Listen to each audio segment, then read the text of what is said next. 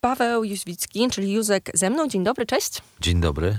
Bardzo się cieszę, że się e, spotykamy w tych jakże pięknych okolicznościach e, czasowo najróżniejszych. Trochę mamy czasu, więc będzie można Świetnie. porozmawiać o różnych rzeczach. Lubię się nie śpieszyć. No właśnie, bo trochę o to chodzi. Znaczy trochę, przede wszystkim o to chodzi. Mm, a jesteś też osobą, która w rynku muzycznym polskim siedzi od wielu lat. Nie będę oczywiście tutaj datami e, strzelać, ale Szkoda. ostatnio Ja jak, mogę roz... strzelić jak chcesz. ostatnio jak rozmawiałam ze Smolikiem, to wspominaliśmy, to znaczy ja wspominałam, e, twój program w telewizji kablowej Centrum. Uwielbiałem go. Widziałeś ja to? też, tak. Ale to Miałeś było takie super. super krzesło, które było lekko takie futrzaste. Takie Ale nie miało... pamiętam tego. ja pamiętam. Rozdawałeś na przykład chyba koszulkę ścianki To jest możliwe. i wygrała to moja koleżanka za maila. Z takim Pamiętam. paskiem po lewej stronie. Bardzo możliwe, bo ja żałowałam, że wtedy nie wysłałam, a ona wygrała. Ona teraz pracuje w Tajdalu. To niech oddaje koszulkę. No nie? Kasia. No, Więc y, tych... zapomniałem o tym, to było ekstra. Ale telewizja kablowa wtedy to było coś, co ja po prostu odkryłam gdzieś się przeprowadzając i ty siedziałeś tak na luzaku, na tym jednym krześle. Tam chyba scenografii nie było, bo było chyba biel dookoła. Tak, bardzo mi zależało, żeby nie było scenografii, bo te scenografie w tamtym czasie były fatalne. Tak, i było krzesło i byłeś ty. Mówiłeś, puszczałeś i mówiłeś jak to ty, typu, no zobaczcie, czusz.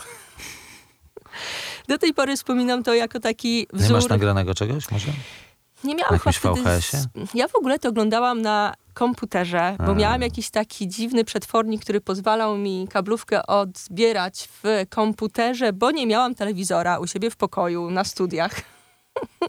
Więc tylko takie rzeczy. Ale pamiętam, słuchaj, tak mi się to wbiło w pamięć. Super, teraz to i mi się wbiło. A przyszliśmy, znaczy przyszliśmy. Chciałabym dzisiaj rozmawiać przede wszystkim o CC Records, bo to wytwórnia, na czele której stałeś na początku XXI wieku. Potwierdzam, tak było. Żeby się tutaj przygotowywać do naszej rozmowy, to oprócz tego, że pięknie została wydana taka kompilacja CC Records 2001-2004, ja w tym momencie w ręce trzymam winyle, drodzy słuchacze, nie widzicie tego, bo to radio, ale tutaj dorzuciłam właśnie e, wydanie na płytkach. Bardzo dużo, bardzo dobrej muzyki. Dorzuciłam swoją własną, bo pierwsza płyta, jaką kupiłam z em, obozu e, CC, e, no to właśnie projekt SC031 e, numery nazywane jedynka, dwójka, trójka i tak dalej. Ale co za ekipa tam jest, to za chwilę o tym e, pogadamy. Powiedz mi, od samego początku, bo jak zaznaczyłam i dużo mówię, jest bardzo dużo różnych wątków. Poruszmy je wszystkie. Naraz. Nie zostawiajmy żadnych złudzeń słuchaczowi. Ale zacznijmy jakoś od samego początku, bo można oczywiście grzebać też twojej przeszłości przed CC Records, bo bardzo dużo różnych rzeczy robiłeś. Czytałam na przykład rozmowę z gazety magnetofonowej e, z tobą, jak przegrywałeś, robiłeś te składanki gdzieś tam bardzo dawno e, temu. Mm, ale powiedz, jak pamiętasz same początki CC Records? Bo jeszcze, zanim cię dopuszczę do głosu, sorry, jestem po prostu najgorsza w tym moim nieogarnięciu. Wytniemy ciebie akurat. No właśnie, zaraz będę się autocenzurować, ale mm, bo mamy świadomość, że niektórzy słuchacze mogą nie pamiętać tych czasów. CC Records to wytwórnia, która mi się wbiła mocno w pamięć, bo jako pierwsi, pewnie jedyni w Polsce, robiliście coś takiego, że łączyliście e, nie mainstream z lekkim popem, pokazując bardzo młodych artystów e, Polsce. I byliście też niejako pod skrzydłami BMG, ogromnej wytwórni w tamtym czasie. Powiedz mi, jak wspominasz same początki, w ogóle pomysł? E, Nie musisz cytować, bo znając ciebie e, pewnie e, kilkoma słowami dość dosadnymi określiłeś pomysł, żeby zrobić coś takiego jak CC Records. Pamiętasz sam początek tego wszystkiego? Tak, to był jakiś rok chyba 2000. Ja od września albo od października e, roku 99 e, przychodziłem do BMG. E, Zaproponowano mi tam wcześniej do roku 99 pracowałem z Robertem Gawlińskim, więc to było ekstra życie. Robert jest ekstra gościem. Na, na, nawet powiem ci, że trochę brakowało mi jakichś zajęć. I mm, dostałem propozycję, żeby zająć się y, serwisem dla, z polską muzyką do radia. Tam w BMG był taki podział na y, muzykę zagraniczną, muzykę polską, więc mi zaproponowano tą muzykę polską, więc ja stwierdziłem, że w ogóle bardzo chętnie, nie ma żadnego problemu. No tylko tyle, że tam ci piosenkarze nie za bardzo jakoś mnie jarali. Ja tak jeszcze przepraszam, że się wetnę. Proszę, zapraszam. Bo lata 90. w Polsce, jeżeli chodzi o muzykę, to bardzo specyficzny czas, bo my zostaliśmy jakoś, że tak powiem, uwolnieni ale nie mieliśmy, jak mi się wydaje, takich super tradycji, jeżeli chodzi o muzykę popularną. My się gdzieś tam uczyliśmy, na przykład jeżeli chodzi o radia komercyjne w latach 90. To były jakieś takie macanki. Najpierw, pamiętam, RMF puszczał dużo młodej polskiej muzyki. Więc tak, taką adnotację robię, drodzy słuchacze, lata 90. w Polsce to bardzo specyficzny czas. To prawda. E, I, i, i, no praca, wiesz, jak praca. Długo nie pracowałem, więc y, przychodzenie o stałej porze do jakiegoś miejsca y, typu biuro, praca w grupie z ludźmi, jeden pali, drugi nie pali, tamten lubi to, a, a tamten coś innego, też było jakimś takim ponownym wdrożeniem się do życia. Natomiast yy, odnalazłem jakąś taką nić porozumienia z panią dyrektor BMG, Bilianą Bakic, która była wtedy też e, młodą dziewczyną, która skończyła Harvard y, i została zatrudniona przez BMG w Nowym Jorku. I potem zesłana do Polski, żeby chyba trochę jakoś sprawy uporządkować. Nie mam pojęcia, co ona tam tak naprawdę robiła. Była, była, była panią dyrektor. Lubiła y, y, muzyczkę, ja też lubiłem muzyczkę, lubiliśmy podobne rzeczy. Czasami chodziliśmy na koncerty, czasami lataliśmy na nie i dużo ze sobą rozmawialiśmy. Biliana wpadła na pomysł, żeby y, te rzeczy, które trafiają do BMG, ale wykraczają poza mainstream, że może warto by się było nimi jakoś, wiesz, y, trochę inaczej zająć. Y, I wtedy do BMG trafiła ścianka ze swoją drugą płytą pod tytułem Dni Wiatru, właściwie trzecią, ale, ale w, w, nie, nie będzie, że to druga. Marek Kościkiewicz podpisał ściankę, ale kiedy dostał y, materiał, no to okazało się, że tam raczej tych przebojów radiowych to nie będzie. I tak widziałem, że energia trochę zeszła, ta ścianka wyleciała w ogóle z planów wydawniczych i to był taki zaczyn do myślenia o tym, że można byłoby tych różnych wykonawców, którzy są nieźli, których lubimy, którymi się jaramy, po prostu jakoś, wiesz, zrzeszyć pod jednym dachem – trochę może inaczej na to spojrzeć, trochę w inny sposób z nimi pracować, no zawiązać jakiś taki label. I podczas jakiejś tam podróży kolejnej z Bilianą na koncert Jana Brauna chyba Biliana wpadła na pomysł, że może po prostu zrobimy taki label i że, żebym ja ten label poprowadził. No więc wiesz, z automatu stałem się najszczęśliwszym człowiekiem na świecie. Nagle przychodzenie do tej, do tego biura na ulicy Wiertniczej zaczęło dla mnie wyglądać zupełnie inaczej. E, dostałem swój pokój. Najważniejsze. Zacząłem też przychodzić na takie spotkania, wiesz, najważniejszych ludzi w firmie. I oni milkli, jak ty mówiłeś. Wiesz, co ja tam właściwie robię. Co to jest to Sisi, co to jest ta ścianka, ten smolik, to homo sapiens, bez sensu. E, ale to było tyle fajne, że mm, staraliśmy się to wszystko robić w taki sposób, w jaki sami jako odbiorcy chcielibyśmy to dostawać. Czyli te płyty miały odpowiednią oprawę. Y, wydawaliśmy bardzo dużo epek, którym ja się wtedy y, bardzo jarałem, czyli y, z, z płyty, przed płytą, po płycie wychodziły stosowne wydawnictwa, na których były zamieszczane atrakcyjne utwory, które albo się nie zmieściły na płytę, albo ktoś zrobił czyjś remix, albo ktoś z, kogoś skawerował, albo pojawiły się jakieś nagrania koncertowe. No wszystko to, co bym chciał, to sam wydawałem. Więc zostawiałem sobie po jednej sztuce z każdego tytułu i mam to do dziś. To jest dużo warte. Podobno. Zróbmy tak, zaraz do rozmowy powrócimy. Zagrajmy coś z tej kompilacji, bo przede wszystkim zaraz przejdziemy do Zagrajmy twoje ulubione numery. Ha. Albo dwa twoje, jeden mój. Wiesz co, to zróbmy tak. Najpierw bym chciała, żebyś ty wybrał e, numer, który teraz poleci, bo wiesz, ja chcę się skupić na rozmowie z tobą, a to, co Proszę ja bardzo. sobie będę grała, to najwyżej później sobie e, popuszczam, e, bo my rozmawiamy, drodzy słuchacze, o kompilacji e, CC Records 2001-2004. Taka piękna płyta się całkiem niedawno ukazała. Jest dużo dobra, dużo dobrej muzyki. No i Paweł wybiera. To ja wybieram utwór ósmy z płyty drugiej. E, to jest taki utwór, który pochodzi z tej pierwszej y, y, y, twojej płyty kupionej z katalogu CC, czyli z projektu SI 031. to było dwóch chłopców, którzy pracowali ze sobą korespondencyjnie tylko i wyłącznie. Jeden mieszkał z nich w Sopocie, drugi mieszkał w Katowicach. To wiesz, początki internetu. Oni byli bardzo kumaci, mieli po 17 lat. E, I dostałem od nich jakiś numer. I to mi się strasznie spodobało, ale nie wiedziałem zupełnie, co z tym zrobić. Więc jak pojawił się pomysł, żeby łączyć tych ludzi z Sisi e, z innymi, którzy nie są z Sisi, to wymieniłem ich numerami albo też kontaktami z Kasią Nowicką. No I Nowika zrobiła właśnie z nimi tak zwaną dwójkę. Gramy i pozdrawiamy Kasię, naszą koleżankę. I chłopaków z zespołu Drift. No właśnie. E, gramy i do rozmowy z Pawłem Józwickim Juskiem powracamy.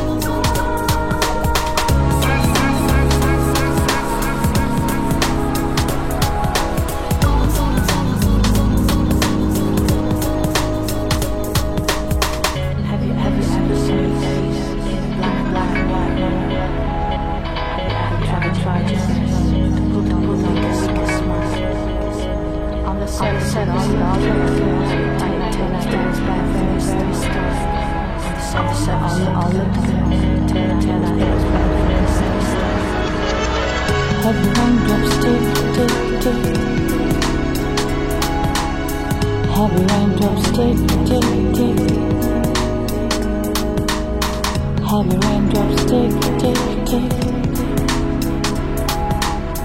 Heavy raindrops tick, tick, tick.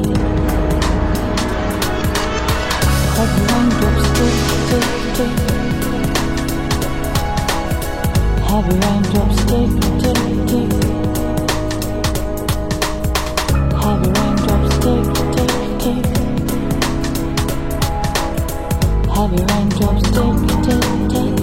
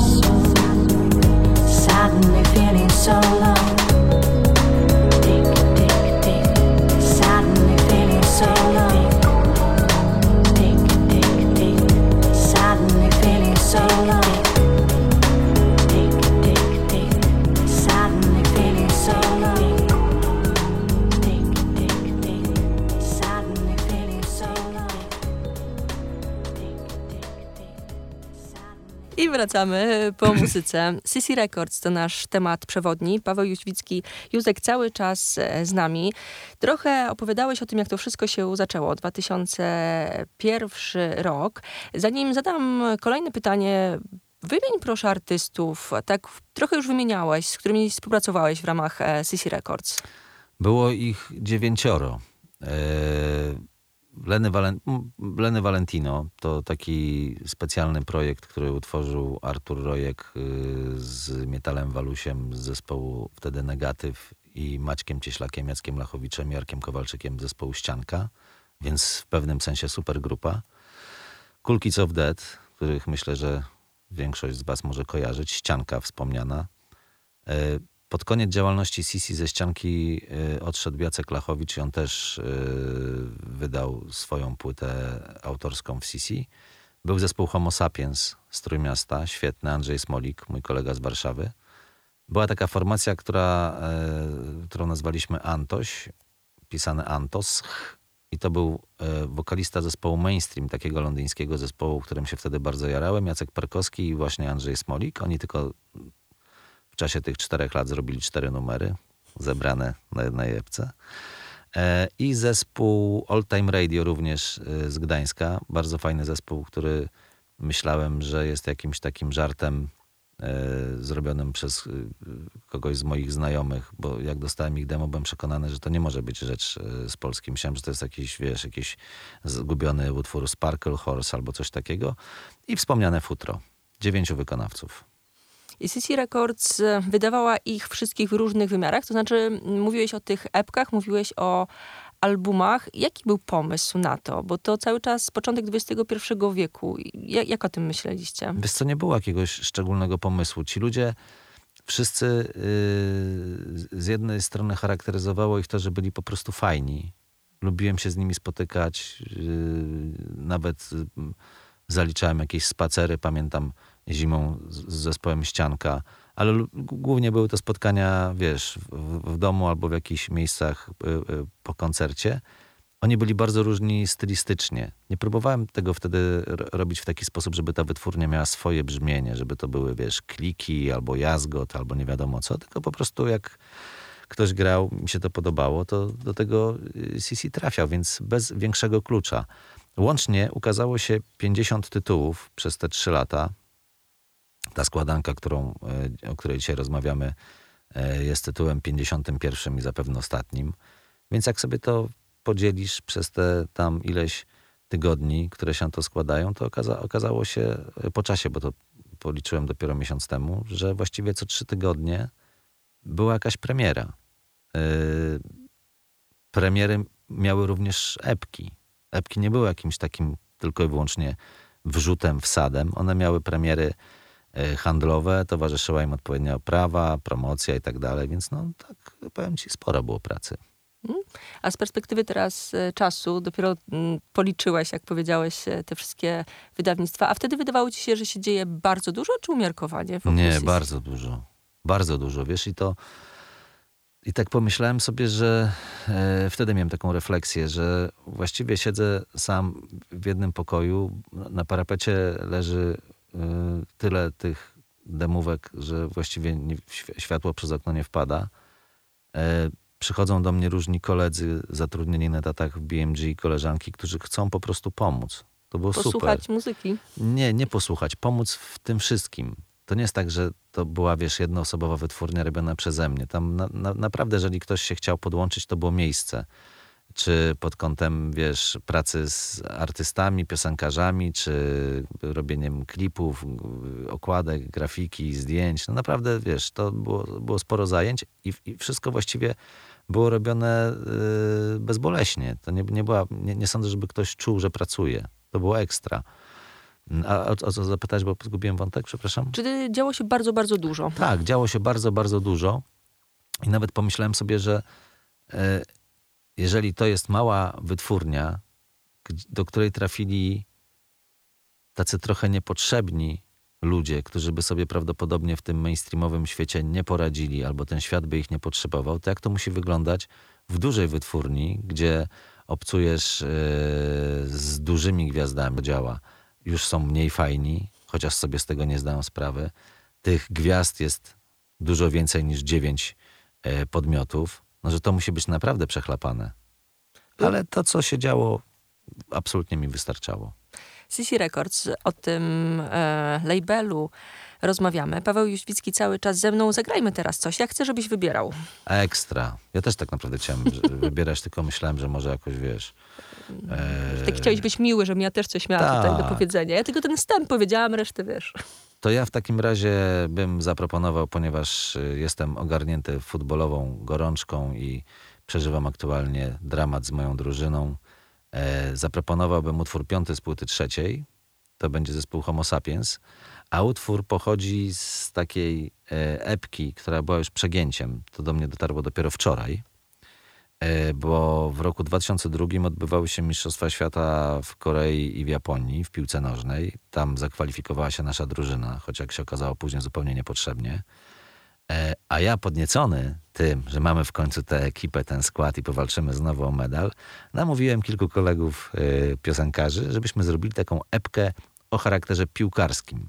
Więc e, różni wykonawcy śpiewali futbolowe piosenki, a zespół Homo Sapiens e, wykonał utwór, który rozpropagowała Maryla Rodowicz, czyli futbol, futbol, futbol. Jeszcze dopytam, dramat twój i drużyna to Legia, tak? Tak. A twój?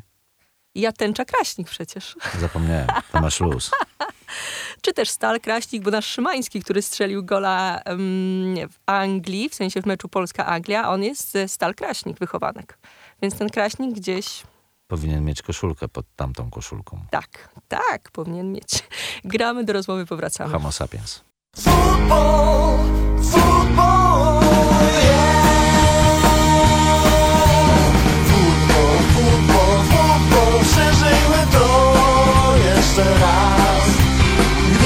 dobrze Wyjdzie na strzał Śledzi rozstał światem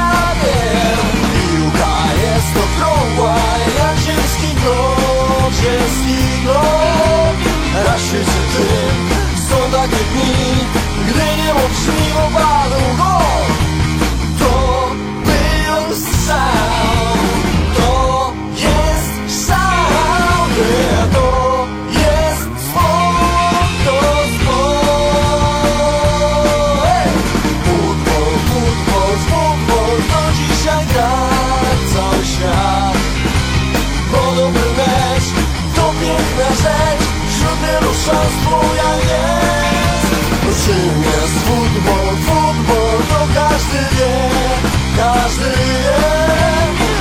Każdy kto wie Co znaczy to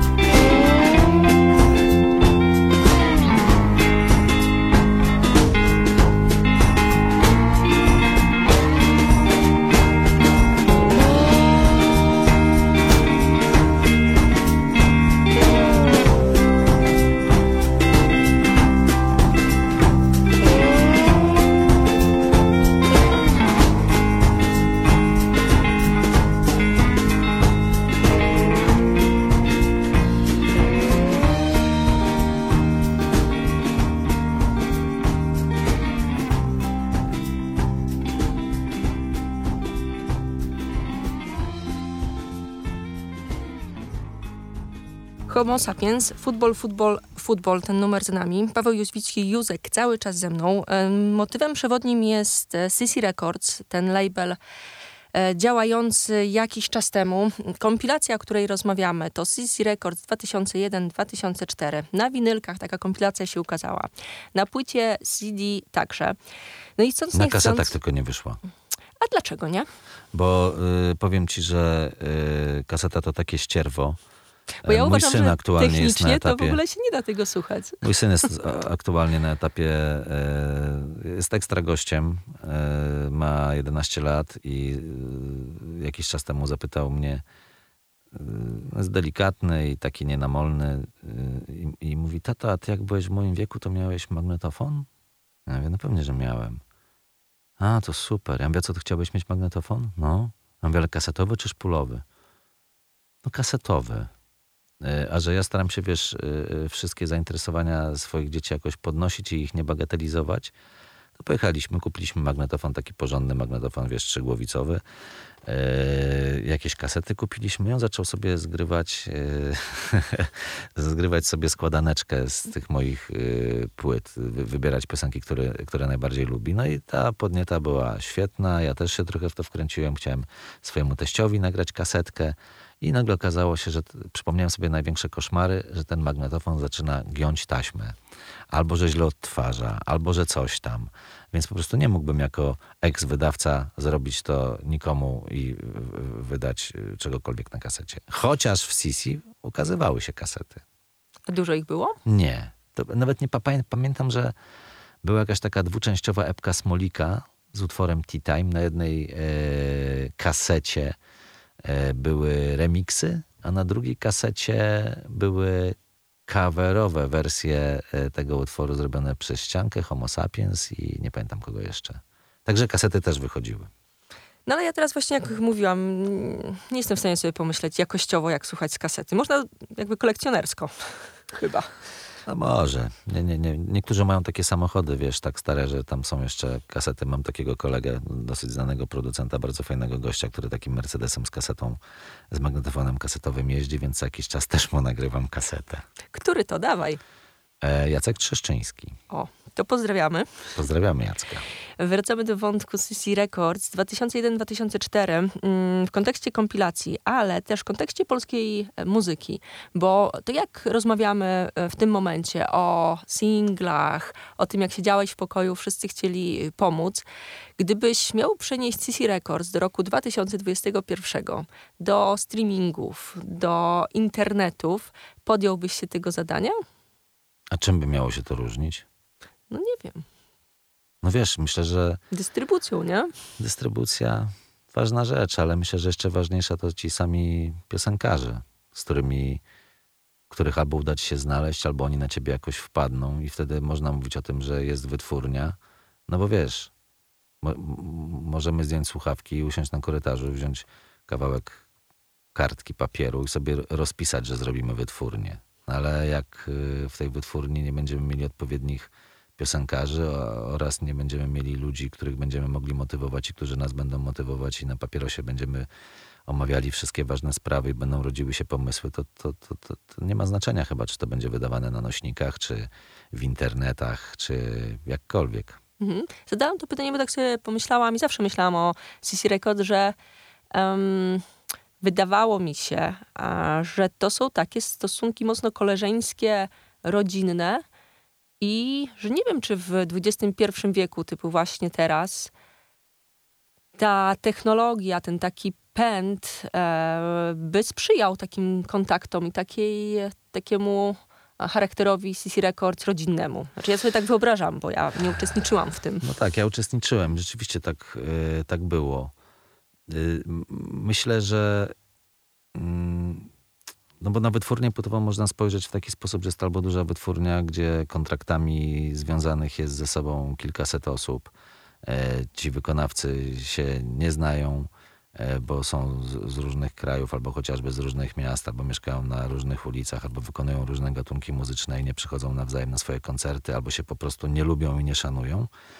Albo wytwórnia płytowa może być takim co zawsze było jakimś takim moim marzeniem, ideałem, jakimś takim bardziej domem pracy twórczej, gdzie najlepiej jakby było jakieś studyjko, w którym każdy, do którego każdy z zainteresowanych miałby dostęp, mógłby zarejestrować swój pomysł. Byłoby ekstra, gdyby ci ludzie, których ktoś by zrzeszał w tej wytwórni, dobrze na siebie działali, żeby się wspierali, kibicowali sobie, nie byli o siebie zazdrośni, mogliby sobie pomagać i wtedy jest idealnie. Tak mi się wydaje, że e, mamy teraz coś takiego w jazzboju. W CC tego nie było, bo nie było studia. E, w jazzboju jest, e, wiesz, to jest mały domek, jest tam małe studyjko, e, kilku, kilka osób ma dorobione klucze, kilka osób ma kontrakty. E, Wydaje mi się, że raczej staram się, mm, żeby też nie było zbyt dużego ciśnienia, że oni muszą coś zrobić, bo też zauważyłem, że najlepsze rzeczy robi się wtedy, kiedy się najlepiej czujesz, masz wolną głowę i nie musisz, co jest zaprzeczeniem kontraktu płytowego, bo w nim musisz, są określone jakieś e, warunki. A propos kontraktu płytowego, przypomniało mi się, jak e, kiedyś podpisywałem kontrakt z zespołem Myslowic i, i, i, i, świadkiem tego zajścia e, był kolega już nieżyjący Rafał Włoczewski i podszedł do nas i mówi, a co wy tu robicie? Ja mówię, podpisuję kontrakt z chłopakami z Mysłowic. A on mówi, a, a, a czemu tak dużo tych kartek jest? Ja mówię, no wiesz, no taki kontrakt jest. A on mówi, nie, to bzdura. W kontrakcie powinna być tylko jedna strona. I powinno być napisane, między kim a kim jest ta, ten kontrakt zawarty i że pracujecie ze sobą, dopóki się lubicie. Jak się nie lubicie, to już nie musicie ze sobą pracować. I to jest naprawdę e, dosyć istotna rzecz. Wymieniłeś już e, Jazzboya. Mm, powiedz trochę o tym, co w tym momencie wokół ciebie się dzieje, bo em, z naszej rozmowy już wypłynęło kilka fajnych wątków. Ja na przykład słyszałam, nie wiem na ile legendy, na ile prawdziwą historię, że, Legendy, na pewno legendy. że Cortez... Dementuję. Nie, że Cortez dostał od ciebie dostęp do studia producenta i siedział ile chciał i miał z siebie wyrzucić coś wartościowego. E, czy to jest taki schemat, czy to jest prawdziwy schemat e, twojej współpracy z artystami? Wiesz co, ja... Mm, wydaje mi się, że nie potrzebuję dużo czasu, żeby się y, mm, kimś zajarać. To, to, to może być, wiesz, parę sekund, kiedy kogoś widzę, to może być rozmowa, może być to to, jak ten ktoś idzie, albo co mówi. Różne rzeczy na mnie działają. E, Z Cortezem było tak, że y, w roku 2014 chyba e, pracowałem przez chwilę przy programie Must Be The Music i tam e, pomagałem, wiesz, trochę. Więc widziałem tych różnych ludzi, którzy wchodzą na tę scenę i tam, wiesz, kręcą tyłkiem, śpiewają i jednym wychodzi to lepiej, innym gorzej. E, Byłem tak totalnie e, zachwycony tym, że w ciągu chyba pięciu czy sześciu castingów, bo to było w różnych miastach się, rozgrywało, w, w sensie zbierani byli ci ludzie. Ja tam wszędzie jeździłem. Wynotowałem sobie dokładnie 10 podmiotów, które wydawały mi się interesujące. Zobaczyłem coś w każdym z nich, coś innego. Cortez był również takim gościem. Jako jedyny zresztą się nie zakwalifikował w ogóle do programu. Nigdy tam go nie było, poza tym castingiem. Więc y, okazało się, że on mieszka gdzieś pod Rzeszowem. Zaproponowałem mu, że gdyby chciał przyjechać do Warszawy, to że wiesz, mam, mam, mamy taką małą kanciapę, że tam może te swoje... A, bo zapytałem go, czy ma demo, więc on demo nie ma. To już jest zajebiste. Jak ktoś nie ma demo, to naprawdę jest super. To do, dobrze o nim świadczy. Sprawdziłem na YouTubie, że też go nie ma. Myślę sobie, no to jest super. Ale E, chodzi o to, że po prostu fajnie wziąć czystą kartkę, z którą można... Nie, fajnie, że ktoś, y, kto zwraca, akurat w wypadku Corteza zw- zwrócił y, moją uwagę piosenką, którą wykonał, sposobem, w jaki ją zaśpiewał, swoim wyglądem i tym, jak strasznie się nie narzucał i nie mizdrzył y, w tym, jak to robił. Takim talent show. W takim talent show, tak, w jakimś etapie, preetapie. E, więc zaproponowałem mu, że może po prostu przyjechał do tej Warszawy, wziął tą gitarkę, albo nie musi brać, bo tam jakieś gitarki mamy i po prostu ponagrywał sobie te piosenki. Jak będzie chciał mi je dać, pokazać, to ja chętnie bym w ogóle tego posłuchał, bo, bo jakoś zainteresował mnie przed chwilą. No i tak się stało. On przyjechał. E, najpierw przyjechał. Trochę żeśmy się o siebie poocierali. Wiesz, zobaczyliśmy, kto tam ma większy mięsień. E, I zaproponowałem mu, że może kimać w tym jazzboyu, że jak chce, to tutaj jest komputer, może sobie siebie ponagrywać. I on w jakiś taki szalony sposób zaczął z siebie wyrzucać te wszystkie numery, które miał w głowie, których chyba nigdy wcześniej nie rejestrował e, w żaden sposób. I to trwało dosyć długo. E, potem pojawił się, pojawiła się przy nim Agata Trafalska, która też trochę pomagała mu przy pisaniu tekstów i była takim jego pierwszym sędzią, pierwszym fanem, pierwszą osobą oceniającą. Pojawił się następnie Olek Świerkot, który że tak powiem, był na wyposażeniu studia. E, I to wszystko zaczęło przybierać jakiś e, taki regularny kształt. I właściwie odpalenie pierwszej gotowej piosenki zaowocowało tym, że trzy dni później zadzwonił telefon, ktoś zaproponował e, pierwszy koncert, kolejne trzy dni później przyszedł mail też z propozycją koncertu, więc to wszystko zaczęło się dziać w sposób taki zupełnie nieprzygotowany. Ja nigdy nie zajmowałem się koncertami, nigdy tego nie lubiłem, zawsze mi to przerastało, nie chciałem, oddawałem to innym, a tutaj siłą rzeczy po prostu, wiesz, braliśmy ja gitarkę, on wzmacniacz i jechaliśmy do Torunia na przykład, pociągiem, dokładając do tego oczywiście, bo bilet, wiesz, w jedną, w drugą stronę więcej nas, nas kosztował, niż on tam uzbierał z tych biletów wtedy. No świetne to było. Podpisał kontrakt, a następnego dnia Kaśka Sochacka podpisała kontrakt. No więc tak jak widzisz, nie śpieszymy się jakoś super mocno. A powiedz mi, powiedziałeś, że przy okazji jeżdżenia właśnie z e, Must Be The Music, dziesięciu sobie wynotowałeś mm. interesujących artystów. Czy jest na tej liście jeszcze ktoś, kogo możemy kojarzyć? Tak, możecie kojarzyć yy, możecie kojarzyć z takich ludzi, którzy zostawili po sobie ślad, bo nie wszyscy zostawili. To było dwóch chłopców, szesnastoletnich. Jeden nazywał się E, Kamil Fischer, a drugi Max Kucharski, więc żeby się tak nie nazywali, to przydzieliłem im nazwę Max Fischer. E, I oni jako szesnastolatkowie podpisali kontrakt e, po zespole Stray Jack Cat. Z Krakowa był taki zespół takich e, nygusków. Rekondrolowców. Tak.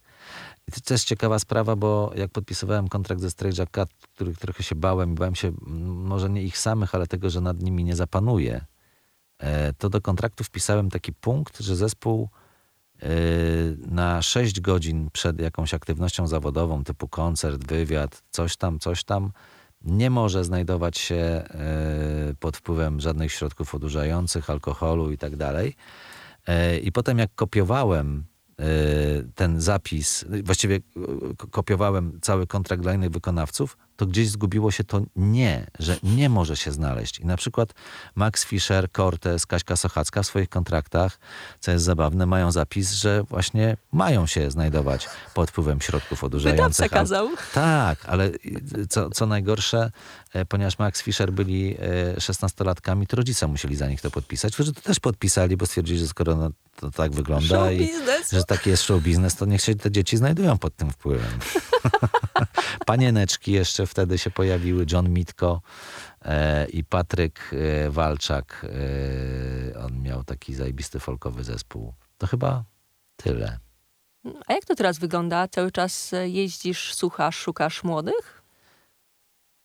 Czy w Chciałbym. internecie? Nie, nie, w internecie zupełnie nie. Chciałbym jeździć, bo wiesz, bo mm, takie podpisywanie zespołów y, z demówki, albo z, często słucham waszego radia. Y, często to może przesadzam, ale jeżeli wsiadam do samochodu, to z reguły ono się załącza. Y, I no z Wojtkiem też o tym rozmawiałem, że wydaje mi się, że przez wasze radio przechodzi większa część interesujących rzeczy niezależnych że można byłoby teoretycznie usiąść przy tym kampusie, słuchać, notować, potem szukać i się spotykać. I to nie byłoby złe, ale jeszcze lepsze by było, gdyby móc widzieć. Ja przynajmniej tego potrzebuję. E, bo wiesz, jak ktoś staje na scenie albo w rozmowie z tobą w określony sposób się zachowuje, to wtedy z niego wychodzi. Czy on to coś ma? Przynajmniej mi się wydaje, że ja to widzę. Czy raczej nie? Czy będzie zawsze problematyczny, czy będzie niemotą, e, czy nawet jeżeli ktoś fantastycznie śpiewa albo gra na gitarce, to wszystko można zrobić w studio, potem ten ktoś i tak zostanie sam na tej scenie mniejszej czy większej, przed mniejszą czy większą publicznością i albo mówiąc kolokwialnie się zesra w nachy ze strachu i nic z niego nie będzie i ta publiczność to poczuje, albo ich weźmie. Więc y, jestem zwolennikiem oglądania, jeżdżenia po różnego rodzaju przeglądach. Czasami ktoś dzwoni do mnie i coś tam proponuje, żebym przyjechał zobaczyć. Czasami sam sobie coś znajdę.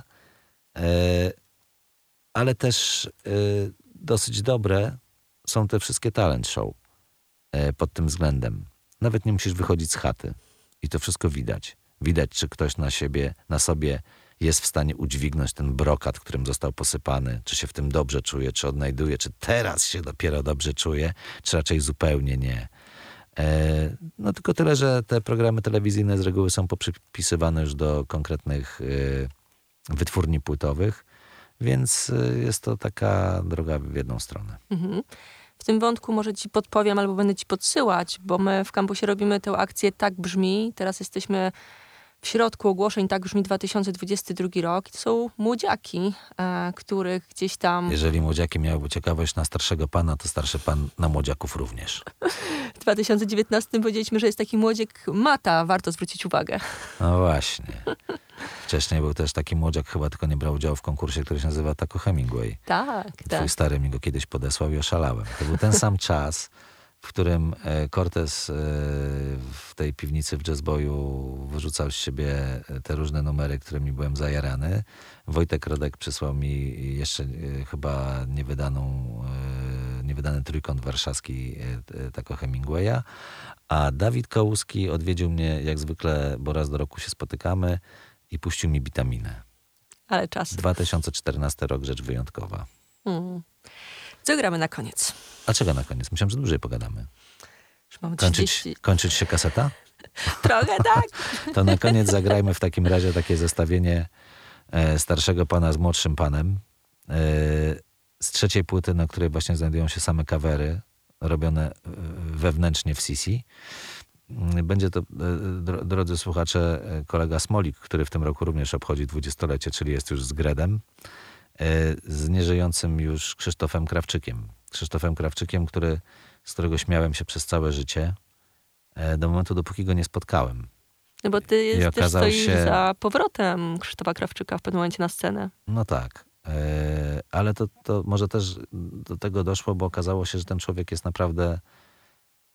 No wiesz, e, słuchając piosenki Parostatek albo czegoś tam, co on robił, albo patrząc na niego w telewizorze, jak tam się poci, wiesz, i ta farba z włosów mu spływa, e, no, można szydzić. Kumam to, też tak robiłem. Można szydzić w ogóle z wielu ludzi. Natomiast kiedy miałem o, o, o, okazję go poznać, e, no to no to tak.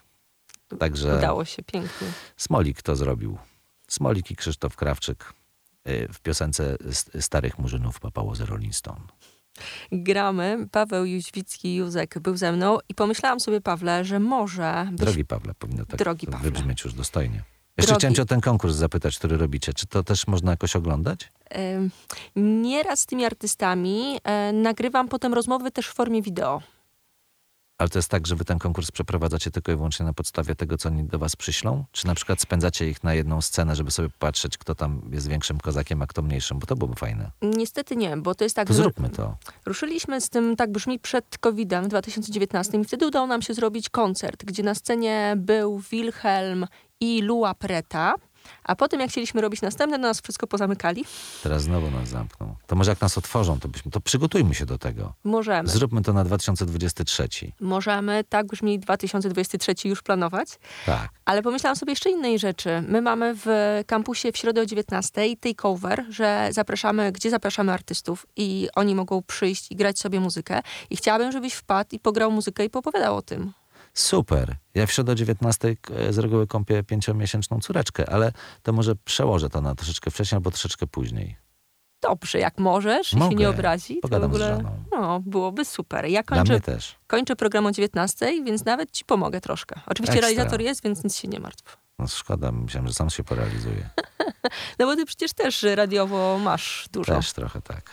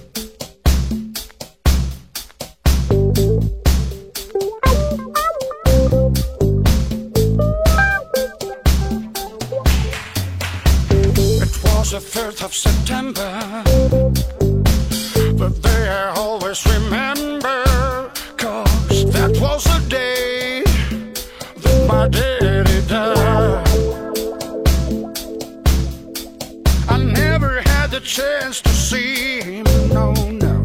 Never heard nothing but bad things about him. Mama, I'm depending on you to tell me the truth. Mama just hung her head and said, Papa was a rolling stone. Wherever he laid his head